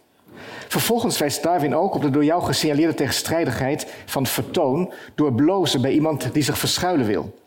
Daar er over het algemeen tevens een sterke wens bestaat om de uiting van schaamte te onderdrukken, doet men een vergeefse poging direct naar degene te kijken die dit gevoel heeft veroorzaakt. En de tegenstrijdigheid van beide neigingen leidt tot het onrustig heen en weer bewegen van de ogen. Citaat van Darwin. En dan schrijf je verder. Ik vond ook een voetnoot bij Darwin onthullend. Al is het een anekdotische observatie. En dat vond ik zo mooi. Als ik piano speel en er komt iemand naar me kijken, dan ben ik bang dat hij op mijn handen zal letten. En ben ik bang dat ze rood worden. Al waren ze tevoren niet rood. Als mijn gouvernante sprak over mijn lange of soepele handen, of er de aandacht op vestigde, werden ze, werden ze rood. Deze vrouw leek te kunnen blozen met haar handen. Nou ja, dat roept is- bij mij. Ja, ik vind dat ook heel mooi. En van Darwin echt fantastisch dat hij eh, eh, zoveel informatie heeft verzameld over al die emoties, maar ook over schaamte. En hij ging bijvoorbeeld bij vrienden informeren, eh, de vrienden die schilders waren en modellen hadden die zij schilderden. Als ze eh, beschaamd worden, hoe blozen ze dan op hun wangen, in hun nek? Tot hoe diep worden ze rood? Al die dingen bracht hij in kaart. Ja. En eh, ehm, ja, voor mij interessant aan blozen is bijvoorbeeld dat het een, eh, een echt signaal is, zoals evolutionair biologen dat noemen. Je kan eigenlijk daar niet over liegen. Als je, als je bloost, eh, dan, dan, dan, dan bloos je ook echt. Je krijgt bloedvatverwijding. En dat is, bij dat je het is bloed heet krijgt? ja, er kan, kunnen allerlei eh, Ja, fysiologische verschijnselen bij horen. Maar ik weet of las van bepaalde Arabische staten waar eh, eh, sultans harems hadden. En die waren er erg op gebrand om vrouwen die snel bloosden in, en in, de, in de harem op te nemen. Hij schrijft letterlijk, dat, dat, of, dat ik parafraseer, maar het staat er wel letterlijk... dat blozende vrouwen in de haren meer waard zijn. Ja, ja. Dus dat, en dat koppel je, lijkt je te koppelen, maar onderbreek me als ik, als ik je verkeerd begrijp, aan het evolutionair voortbestaan van, van blozen. In ieder geval, er zit dus een, er zit een voordeel aan dat wij blozen. Ik, ik weet niet of Nou, je dat ik direct denk- aan deze harems kunt koppelen, maar... Ik eh, denk dat schaamte Ja. een heel belangrijke emotie is voor het, voor, eh, het voortbestaan van groepen. Dus eh, om groepen goed te laten functioneren, is het belangrijk dat mensen gre- bepaalde grenzen niet overschrijden en eh, eh, afgestraft worden als dat wel gebeurt. Dus het is niet Maar zo dat die blozende vrouwen aantrekkelijker werden gevonden. Ik denk ook dat ze aantrekkelijker werden gevonden. En ik moet eerlijk toegeven, eh, Jij houdt als ook van blozende vrouwen. naar een pornofilmpje keek en ik zag een blozende vrouw, dat ik dat nog aantrekkelijker vond, omdat ik dacht, ja, dat is echt.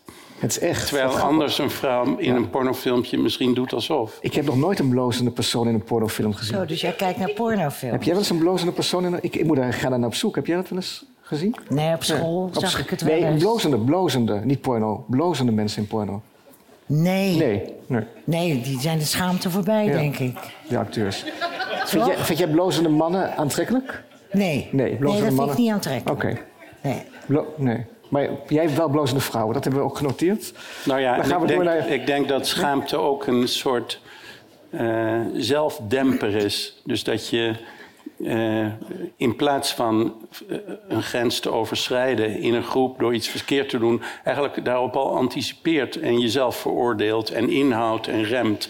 En dat is wat Freud eh, voornamelijk dacht. Die heeft niet zo heel veel over schaamte geschreven, maar ik dacht dat wel, dat het eigenlijk hoort bij een sociaal afweersysteem waarbij je jezelf corrigeert. We komen nog op voor te spreken. We gaan naar, naar schaamte, seks en naaktheid. En ik, wil, ik weet niet of we tijd hebben om alle foto's van Thijs te laten zien, want het lijkt alweer bijna negen uur. Maar laten we even beginnen met de eerste. Kunnen we even naar kijken?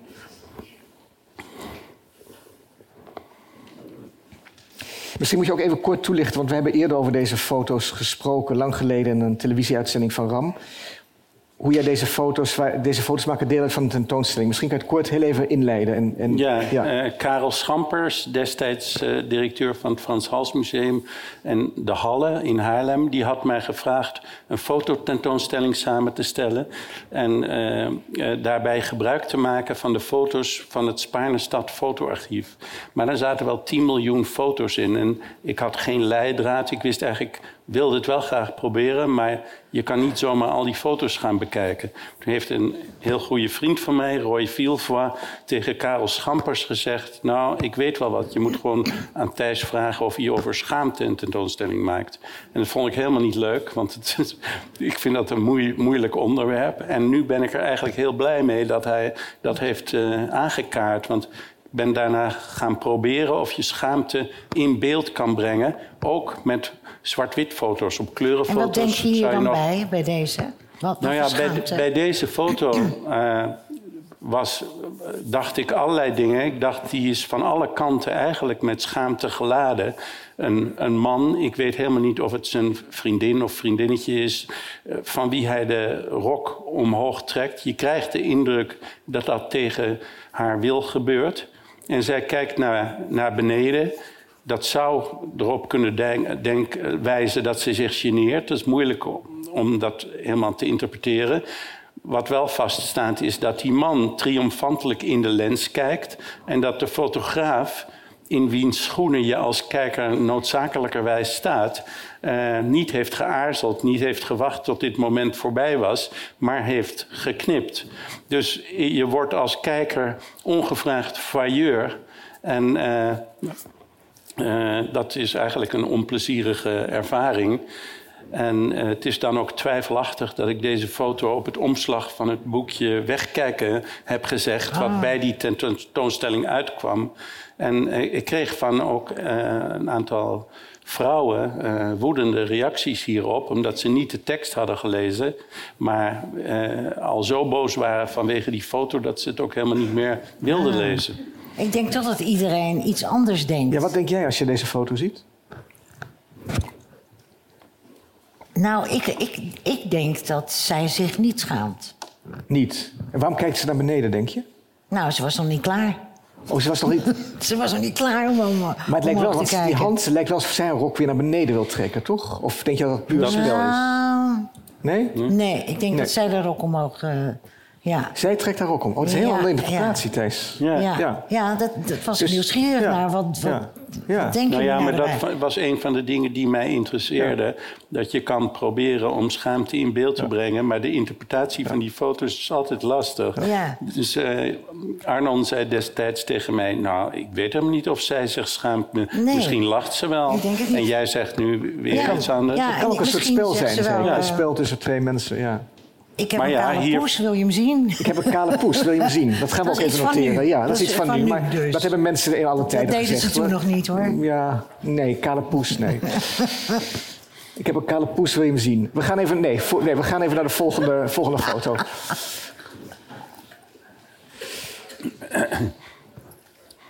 Ja, Ja, dat is de inspectie van een gevangene in een Amerikaanse gevangenis. En mij ging het er eigenlijk om dat het voor die man heel vernederend moet zijn om zo eh, zijn aars te laten inspecteren. Ehm, maar een van de dingen die mij ook interesseren is dat mensen over de hele wereld zich voor dingen schamen, Ja. maar dat niet iedereen zich voor dezelfde dingen schaamt. Dus eh, een, een, een, heb ik zo'n citaat over. Want ik denk dat naaktheid en seks over de hele wereld wel schaamtegevoelens kunnen oproepen, denk je niet? Naaktheid en seksualiteit kunnen over de hele wereld zijn potentieel schaamtegevoelig. Nou ja, ik weet het dan een beetje van eh Papua's in het zuiden van Nieuw-Guinea... die zich eh, tot een halve eeuw geleden, tot de komst van de eerste missionarissen... absoluut niet schaamden voor hun naaktheid... maar wel voor het tonen van hun aars. Oh ja? En dat is daar nog steeds heel beschaamd. Dus eigenlijk wat je hier ziet, zou zo iemand, verwacht ik... voor zover ik er verstand van heb, heel erg vinden. Ja, want er is meer op die foto aan de hand. Kijk, in die tijd, want dit is een oude foto, zeg maar jaren 60 zou het Ja. kunnen zijn. eh, de, de donkere man, die la- moet erom lachen. ja, ja. Ja, In zit- zijn positie, Ja. zodat de blanke man, die moet dus eh, met zijn billen bloot. Ja. En heeft daar lol in. Dus het heeft, Ja. er is heel veel gaande. Er gebeurt vrij veel hier. Net of dat. Ik wil nog even weten over die papua's. Waarom schamen zij zich wel voor hun anus?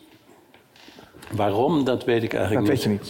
Ik, ik heb een citaat van Frans de Waal uit het al eerder genoemde boek ehm, Mama's Laatste Omhelzing. Ik heb niet het hele boek gelezen, daar heb ik geen tijd voor. Wel andere boeken van eh, Frans de Waal, maar Oscar van Gelder en, en uitgever heeft een paar citaten voor mij eh, uitgezocht. En dit vond ik een heel mooi citaat, wat hier mooi op aansluit. Frans de Waal schrijft: Over de hele wereld zijn bepaalde gebieden die met seks en voortplanting te maken hebben, visueel verboden.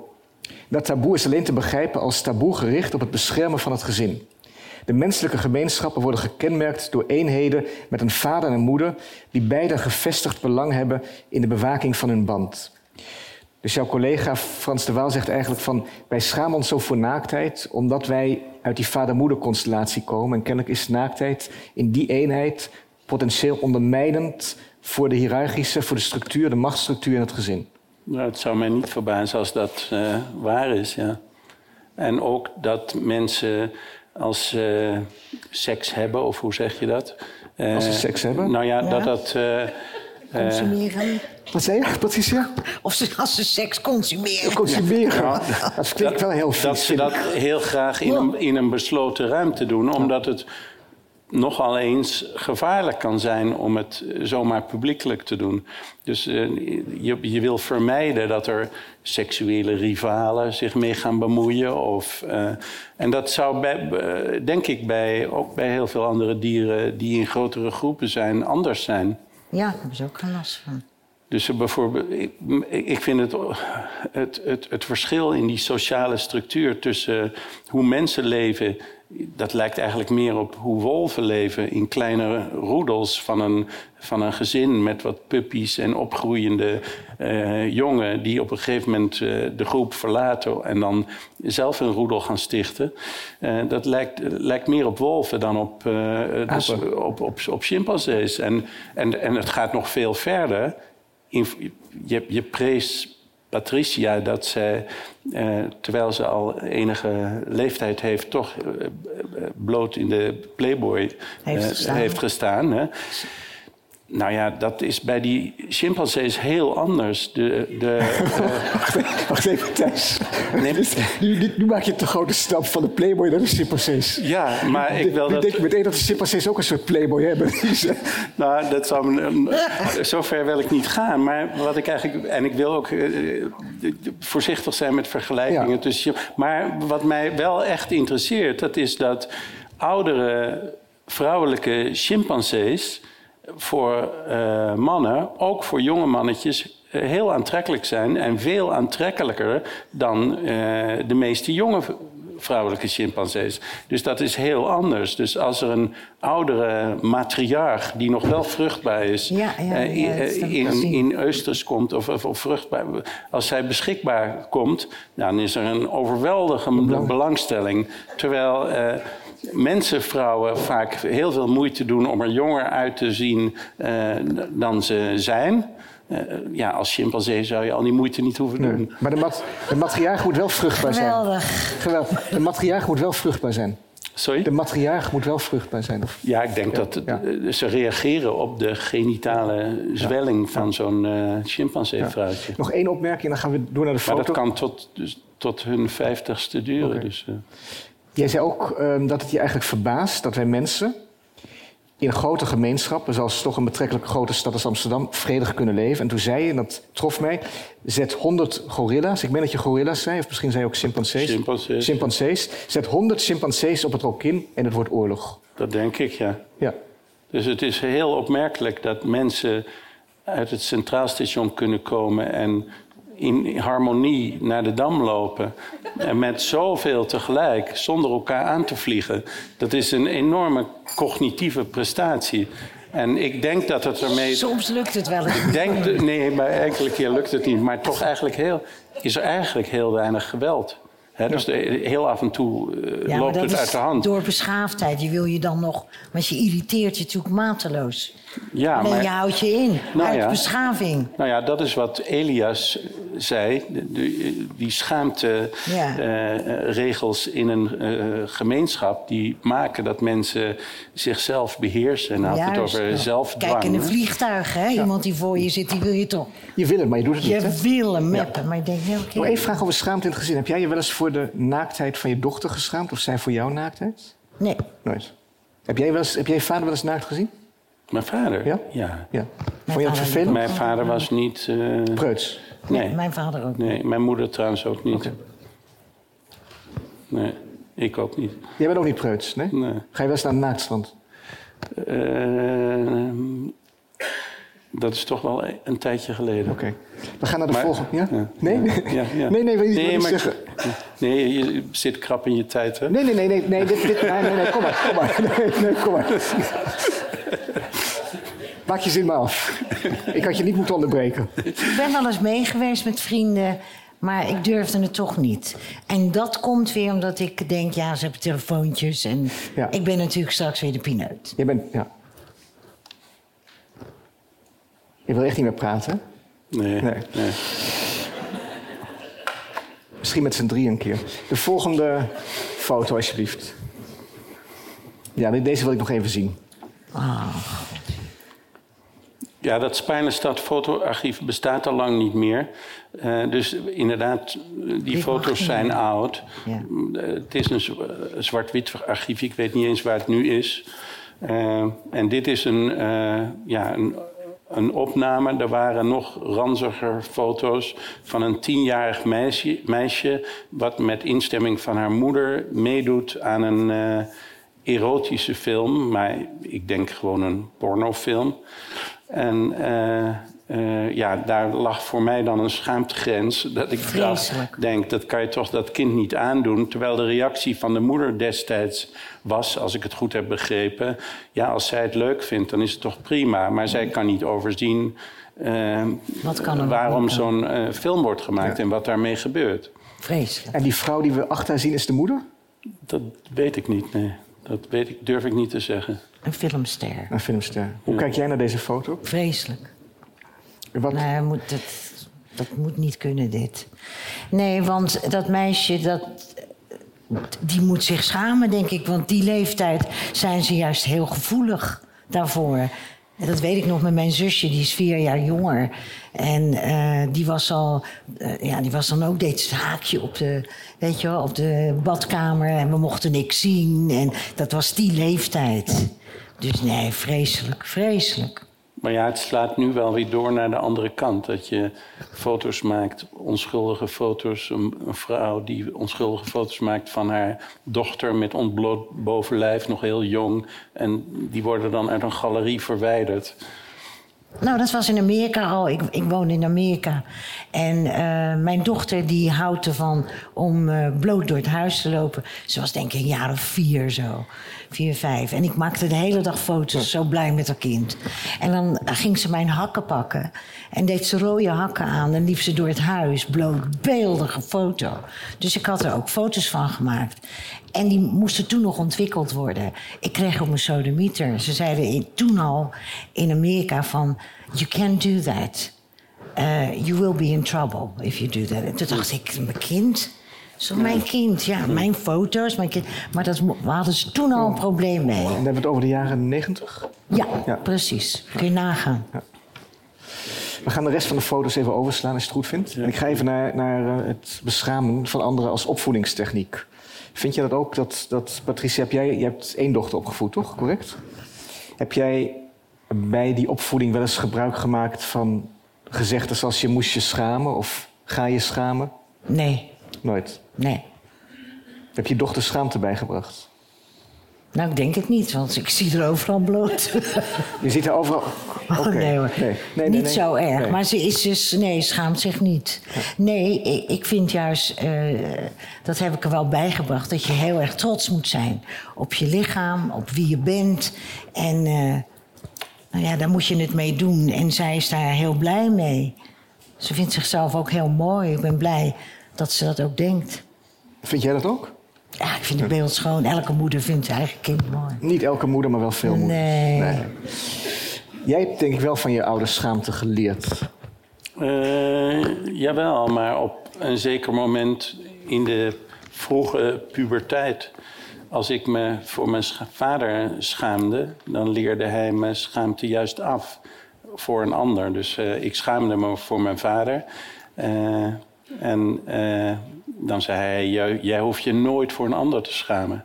En dat vond ik eh, een hele goede tip. Prachtig. Maar ik begreep dat pas veel later.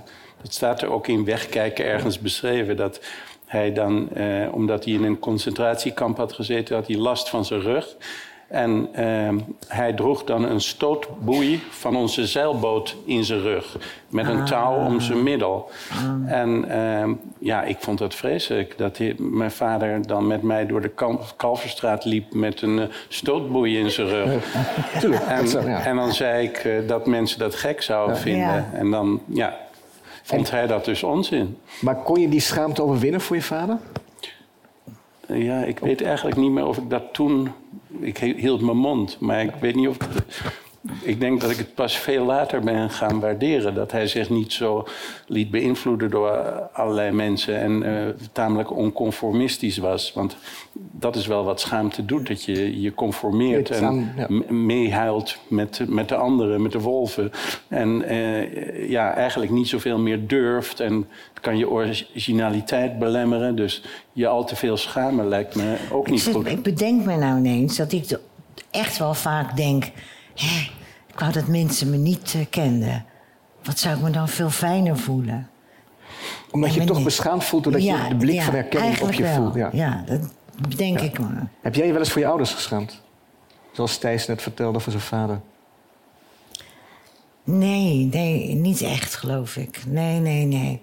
Ja, als ze je betrapte met uh, dat je vriendje je een kus gaf of wat dan ook... dan heb ik het over heel lang geleden. En, en, dan voel je dat wel eng dat je vader en moeder dat zagen. Maar ik heb me nee. En mijn vader en moeder hebben ook nooit wat gezegd over de Playboy of wat dan ook. Ook zelfs, mijn, mijn moeder leeft nog, hè, ze is 93. En uh, die wist wat er gebeurd was. Ze heeft er verder niets over gezegd. Alleen maar van je weet, we houden heel veel van je. En laat ze maar lullen, joh. Dat is wel een hele lieve moeder. Ja, heel ja. lief. Ja. Ik wil Ja. toch over, over ook de minder lieve kanten van ouders. Er zit een, wederom in dat brievenboek een citaat over jouw vader. Er zitten meerdere citaten over jouw vader, maar deze greep mij wel aan. En dan schrijf je: Ik heb mijn vader geheel in de geest van mijn moeder als een martelaar vereerd. Totdat hij mijn moeder inwisselde voor een veel jongere vrouw. Het spijt, het spijt me te lezen, schrijf je aan je correspondent, dat uw beide broers nu verbitterde vijftigers zijn. Nog altijd vervuld van rancune jegens hun dode vader. Ik voel zelf ook wel een zekere wrok. Kan me nog altijd moeilijk bij neerleggen dat hij, citaat, te veel van me hield om het leven te willen aandoen. Hij had bedacht dat mijn moeder ons, ik heb een broer en, ik heb een broer en twee zusters, maar moest opvoeden, want zij had ons immers gewild. Intussen zie ik ook talloze inspirerende kanten aan mijn vader, muzikaal, oorspronkelijk onorthodox denkend. En ik ben dan ook niet bang een verbitterde vijftiger te zullen worden. Maar toch over in het kader van schaamte, wat, wat betekent dat als een vader tegen je zegt: Ik hou te veel van je, ik heb eigenlijk hou te veel van je om je het leven te willen aandoen? Nou, als hij dat eh, toen ik volwassen was voor het eerst tegen mij had gezegd, eh, dan had ik dat kunnen begrijpen. Maar ik kreeg het te horen als tien of elfjarige. Eh, en ik eh, kon dat dus helemaal niet plaatsen. En wist wel dat het met de beschadigingen door de oorlog van mijn vader te maken ha- had. Dus dat z- eigenlijk zijn kinderwens was eh, verdwenen. En zijn vertrouwen in het leven in het algemeen. En nou ja, goed, dat is een ingewikkelde vraag van jou. Maar is het, het, is het dan niet op dat moment als je dat hoort, dat je eigenlijk gaat schamen voor het feit dat je leeft? Nou, het werd, werd voor mij een, eh, bron, een bron van schaamte, omdat we thuis eerder hoorden over familieleden die de oorlog niet hadden overleefd. Eh, dat heette dan die niet waren teruggekomen. En eh, niemand zei dat ze vermoord waren of eh, uitgehongerd. Of, het werd in bedekte termen, zoals bij zoveel families, genoemd. Dus dat was al een beangstigend idee. Dat als je acht jaar eerder was geboren, in mijn geval, dan had het slecht kunnen aflopen. En als daar bovenop komt eh, dat je vader jou eigenlijk niet wil, dan wordt het, eh, eh,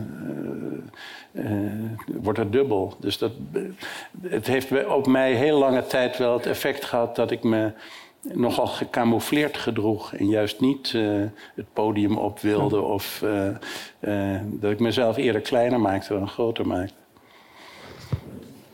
Dat ken je niet, neem ik aan. Ik denk dat jij je altijd gewild hebt gevoeld. Nee hoor. Nee? Nee. Ook niet door je ouders? Nee, ik heb altijd heel erg faalangst gehad. Eh, ik vond, eh, en, dat, mijn manager weet dat ook wel.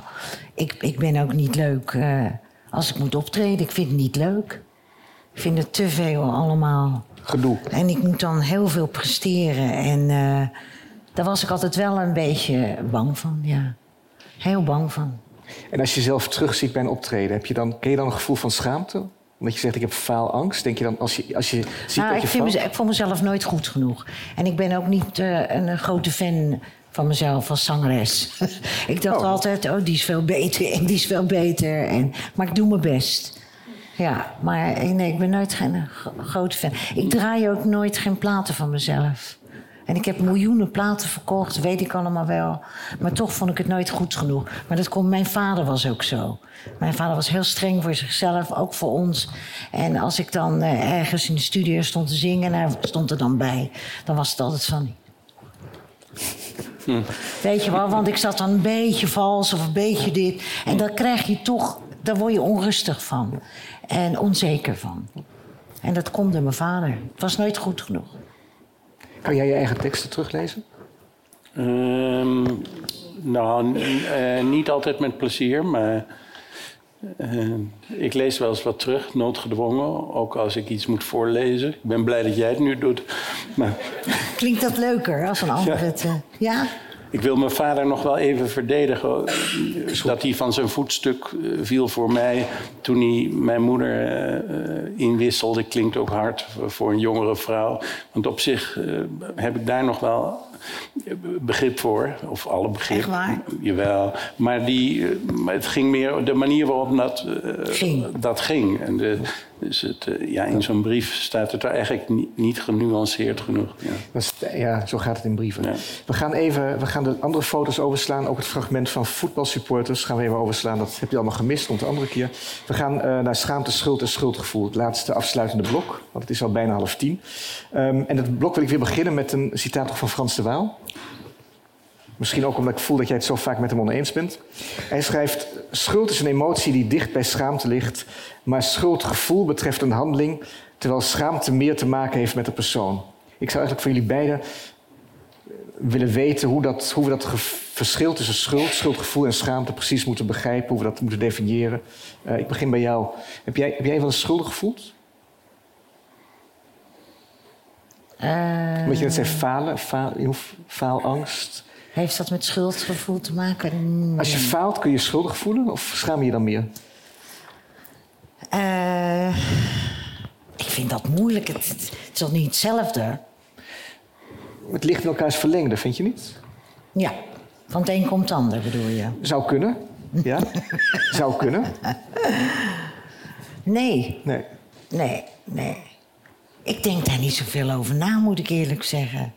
Ik ben iemand die... eh, en dat is wel jammer dat dat toen met mij gebeurd is. Want ik ben juist zo levenslustig en geniet van alles en leuk. Weet je, het leven is zo leuk. En, en dat heeft me wel eh, een deuk gegeven. Ik voel wel dat ik iets anders in het leven sta en eh, me anders voel. Ja. Dat hebben ze wel verpest. Soort vertrouwen is verpest. Ja, Ja. absoluut. Jammer. ja. Heel jammer. Voor jou, Thijs? Eens met wat, wat de, Vaal, de Waal zegt? Nou, ik ben het heel vaak wel met de Waal eens. En ik vind zijn boeken heel inspirerend. Maar ik zoek ook enigszins naar dingen... Waar je het niet mee eens Ja. bent. Tuurlijk. Dus dat geeft wel iets vertekend beeld misschien. Maar ja, voor mij is het verschil tussen schaamte en schuld wel belangrijk. En ik denk dat schuld, schuldgevoel heel vaak specifieker is. Dus Ja. dat dat te maken heeft met het maken van een bepaalde misstap. En je kunt een schuld ook eh, vereffenen. Ja. Je kunt je best, het is eigenlijk veel actiever. Eh, het is een emotie die, die aanzet tot handelen, tot het goed maken. Ja. En terwijl schaamte, in het geval van schaamte, eh, verwerp je jezelf als persoon helemaal. Je kijkt eigenlijk mee met de mensen die jou veroordelen. En vindt eh, in zekere zin dat ze gelijk hebben. Dus wat tast, tast zij gebrek aan empathie met jezelf. Je, je voegt je eigenlijk bij degene die jou veroordelen. En maar doe je dat niet als je schuldgevoel hebt? Als je geplaagd wordt door diepe schuld? Jawel, maar de, de, de kans dat er iets aan te doen is, is natuurlijk groter. Behalve als het iets is wat heel lang in het verleden is en mensen die iets hebben misdaan niet meer leven, dan kun je het niet meer goed maken. Maar over het algemeen uh, zal het zo zijn dat je er meer aan kan doen dan als je leidt aan echt een kwaadaardige schaamte waarbij je uh, niks meer durft, uh, niet meer durft te handelen, niet meer functioneert. Zo erg kan die schaamte zijn. Ja, dat geloof ik. Denk je dat daders, echt daders, daders van criminele zaken, handelingen, daders die andere mensen echt iets aan hebben gedaan, dat die eerder schaamte of schuld voelen als ze al iets voelen, als ze al berouw hebben? Denk je dat de mensen die jou iets hebben aangedaan, dat die schaamte of schuld voelen? Wel, nee, dat denk ik niet. Nee. Nee, ik kon, er, ik kon ook niet begrijpen dat iemand dat gewoon mij aan kon doen. Denk ik, ik heb je nog nooit wat aangedaan. Hè? Je kent me helemaal niet. Wat is daar nou leuk aan? Waarom doe je dit? En ik heb dat nooit begrepen. Ik heb dat gewoon, ik begrijp er niks van. Het zou mij wel interesseren in verband met schaamte. Ja. Of degene die dat hebben gedaan. Zich nu schamen. Nee, of ze dat hebben gedaan omdat ze een filmpje over plasseks verwerpelijk vinden. Dat dat iets is waar je voor zou moeten schamen. En dat zij als het ware denken: Nou, als je je hier nog niet voor schaamt, dan zullen we je een handje helpen. Ja. Dan uh, maken we het publiek. Ja. Of dat het daar niks mee te maken heeft, maar Nee. dat ze om andere reden Ik zou wel eens willen jou weten, wilden beschadigen. nou dus heeft, nee, maar heeft het te maken met wat ze hebben. Ik vind het verschrikkelijk wat ze hebben gedaan. Maar eh, ik vraag. Ik zou, willen, motieven. ik zou willen weten of het te maken heeft met wat er te zien is in die film, of helemaal niks. Dat er al hele andere motieven zijn. Misschien waren ze jaloers. Dat is natuurlijk de meest voor de hand liggende. Ja. Wat je verwerpt, wil je eigenlijk zelf mee maken. Dat kan ook. Ja. Ik wil even kijken, dat is de laatste foto. Ik had geselecteerd naar een foto van een beroemde, de beroemdste dader van deze tijd misschien wel. Oh ja. De dader, Jezus Christus. het monster van MeToo als toch wat deerniswekkende oude man. Nu weet ik dat er mensen zijn die zeggen, dit speelt hij allemaal. Maar ik heb filmpjes van hem gezien. Ik denk, je moet wel een hele goede acteur zijn om dit te kunnen spelen. En je ziet ook dat hij, als je het foto's vergelijkt van Weinstein nu met vier, vijf jaar geleden, zie je echt een metamorfose. Ja, dit is schaamtehouding, hè? Toch? Of hij heeft last van zijn rug, maar het is wel. Ja, dat ook. dat ook, maar Ik, ik, ik vraag me af, is dit, dit is ook deerniswekkend? Of ligt dat aan mij? aanstelleritas. Nou, ik, ik, vind jij, vind jij het ook, vind jij, heb jij ook medelijden met- als je dit ziet of totaal niet? Jij niet, Patricia? Een Jij? beetje wel, ja. Maar het lijkt me eh, wel, als je het zo leest, afschuwelijk wat hij allemaal heeft gedaan aan machtsmisbruik. En eh, ja, ik denk niet dat dit gespeeld is. Ik denk, het het is niet een schaamterollator. Een Schaamte, dat, dat is een mooi woord. Schrijf ik even op. De schaamterollator. Ja. Voordat ik het vergeet. Ja, zou die nou, wat, wat, wat denkt hij? Denkt hij van, ik hoop dat ze me nu zielig vinden, want zo erg is het toch niet? Nou, ik denk wel dat hij echt gebroken. Ik bedoel, hij heeft natuurlijk een enorme val meegemaakt. Nou, ik hoop het dat hij gebroken is. Maar even dat, ik denk jij dat hoort, hoort bij, bij moet een misdadiger, ook als hij schuldig is bevonden, hoort vernedering bij de straf? Moeten wij daders vernederen? Nou, ik vind dat altijd wel lekker, ja. Ja. Ja. Niet dan? Nee, dat kunnen we straks. Straks mag het publiek. Hè? Nog een paar minuten, dan mag Dat het wil publiek je helemaal toch? losgaan. Dat wil je toch? Ja. Dat wil je toch? Ik voel ook een soort schaamte eigenlijk bij die vernedering. Ook ik, het Ja, ik, gezegd, ik, ja. ik vraag me ook af of ik... Ik zou wel willen weten of het dan helpt. Nee, Maar- nee, die man is gewoon zo. Nee, Maar helpt dat, niet. bedoel je Thijs? Helpt dat hij verandert of helpt voor ons? Nou ja, als je iemand eh, straft, dat lijkt mij eh, een, Oh, goed idee. Maar hoe je dat Ja, dan doet ja. en hoe ver je daarin gaat. Het is menselijk dat je dat wil natuurlijk. Hè? Als je hoort dat eh, een of andere vieze vent eh, een, een kindje heeft aangerand of wat dan ook... dan denk je ook, nou, we zullen hem eens eventjes eh, een bezem in zijn reet douwen. Waarvan acte? Bijvoorbeeld. Hè? Dat is heel menselijk om te denken van... oh, we zullen het bij hem eens een keer doen. Ja. Hè, Of, of hij heeft iets heel raars gedaan. Maar dat, dat, maakt aan wat gebeurd is, doet dat niets af. Het is een beetje, Nee. denk je, helpt wraak. Heel Heb jij, want jij zit ten diepe, dat begrijp ik. Wraak is menselijk. Maar heb jij die, voel jij die wraak voel jij die wraak ook in jezelf ten opzichte van mensen die jou, alle mensen die jou iets hebben aangedaan? Dat zullen er vast Nou, meer. ik heb een heel prettig leven gehad hoor. Er zijn niet veel mensen die mij wat aan hebben gedaan. Maar ik denk dat het heel menselijk is.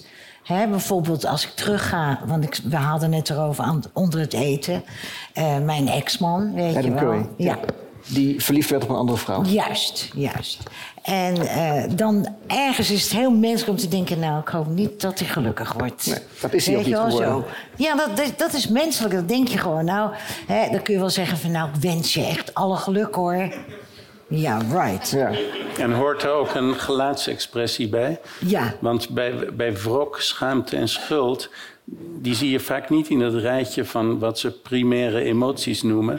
En dat heeft er denk ik mee te maken... dat er niet een eenduidelijke gelaatsexpressie bij hoort... zoals bij vreugde of, Ja. eh, of verdriet. Of... Nou, ik denk dat het meer teksten zijn waar je het in hoort. Oké. Ja, niet Maar dan is het, betekent het dat het eigenlijk heel jong is. Dat het pas bestaat eh, sinds we taal hebben.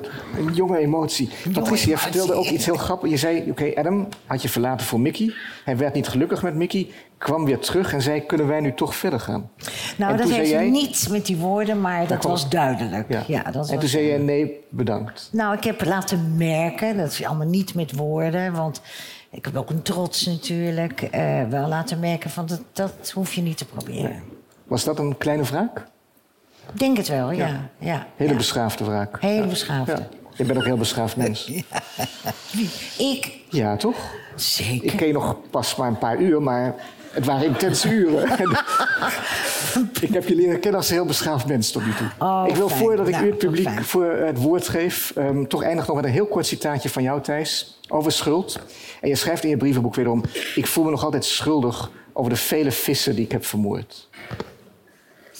Ah, echt? Ja, ja. ja. Ligt dat, misschien even toe voor de mensen die niet begrijpen, want het staat natuurlijk op je, op je, op je beroemde boek Davids Hofvijver. Ja, ik was een eh, gedragsbioloog, eh, evolutiebioloog... in een team van biologen in Oost-Afrika, eh, heel lang geleden. En eh, eigenlijk ben ik eh, gedragsbioloog geworden... omdat je dan geen dieren hoeft dood te maken... maar je zet je neer op afstand van die dieren... en je gaat heel lang naar ze kijken. Dat is wat ik het liefste doe. Eh, maar bij het werk wat wij verrichten eh, was het nodig om eh, vissen te vangen. En die kwamen in een eh, bak met ijs terecht, kleine visjes. En die waren vrij snel dood. Maar toch vind ik dat eh, Nee. heel akelig. eh, Vind ik ook. Ja. Hoeveel Ik Maar vis- wist goed, er niks, maar maar Hoeveel ja, vissen heb je vermoord? je kan ze niet zoenen. ik denk wel, wel 20.000. 20.000 vissen. Kijk, Shame on you! Hooggeacht publiek, u hebt de hele avond geluisterd naar de wijze woorden van een massamoord, massavismoordenaar. Oh my god. 20.000 vissen. Ja. Ze zijn voor het grootste deel in naturalis. Goed, dan wil ik u afsluiten. Ik wil, lief publiek, ik, wil, ik heb twee verzoeken aan u. Eén verzoek hebt u al gehoord. Het eerste is, u kunt ervoor zorgen dat in Nederland de zoekopdracht blozende pornosterren zich verspreidt als een virus. En ik wil u oproepen daar aan bij te dragen, want ik vind het zo'n fascinerende zoekterm en een fascinerend onderwerp, dat ik hoop dat er een hele aparte pornocategorie komt die eigenlijk alleen met blozen te maken heeft. En dat is dan geboren vanavond in de Bali. En daar ben ik dan toch een heel klein beetje trots op dat wij dat met z'n drieën hebben bewerkstelligd. En de tweede opdracht waarmee ik u naar huis wil sturen, hebt u al gehoord. Als u zich een beetje op niveau wilt schamen, moet dat wel gepaard gaan met zelfwalging. Dus u weet wat u te doen staat, zometeen in het café, in de tram of in de auto op weg naar huis. Walgt u een beetje van uzelf. Ja, het is goed ik voor u, het is goed voor ons. Ik wil Patricia, ik wil jou heel erg bedanken. Graag je bent gedaan. buitengewoon beschaafd, charmant, et cetera. Ik ga niet alle complimenten nog een keer je herhalen. keer beschaafd? Ik hoef niet beschaafd Nou, je bent, je bent heerlijk. Je bent heerlijk. Oh, Thijs, jij bent ook heerlijk. Dank je wel. Ja. Tot in juli. heel erg. Bedankt voor het luisteren naar Arnon Grunberg ontmoet vanuit de Bali. Wil je er nou een keer zelf bij zijn bij zo'n gesprek van Arnon Grunberg? Schrijf je dan vooral in voor onze nieuwsbrief of volg ons op de socials, zodat je als eerste hoort wanneer het weer zover is. Arnon, dankjewel en tot de volgende.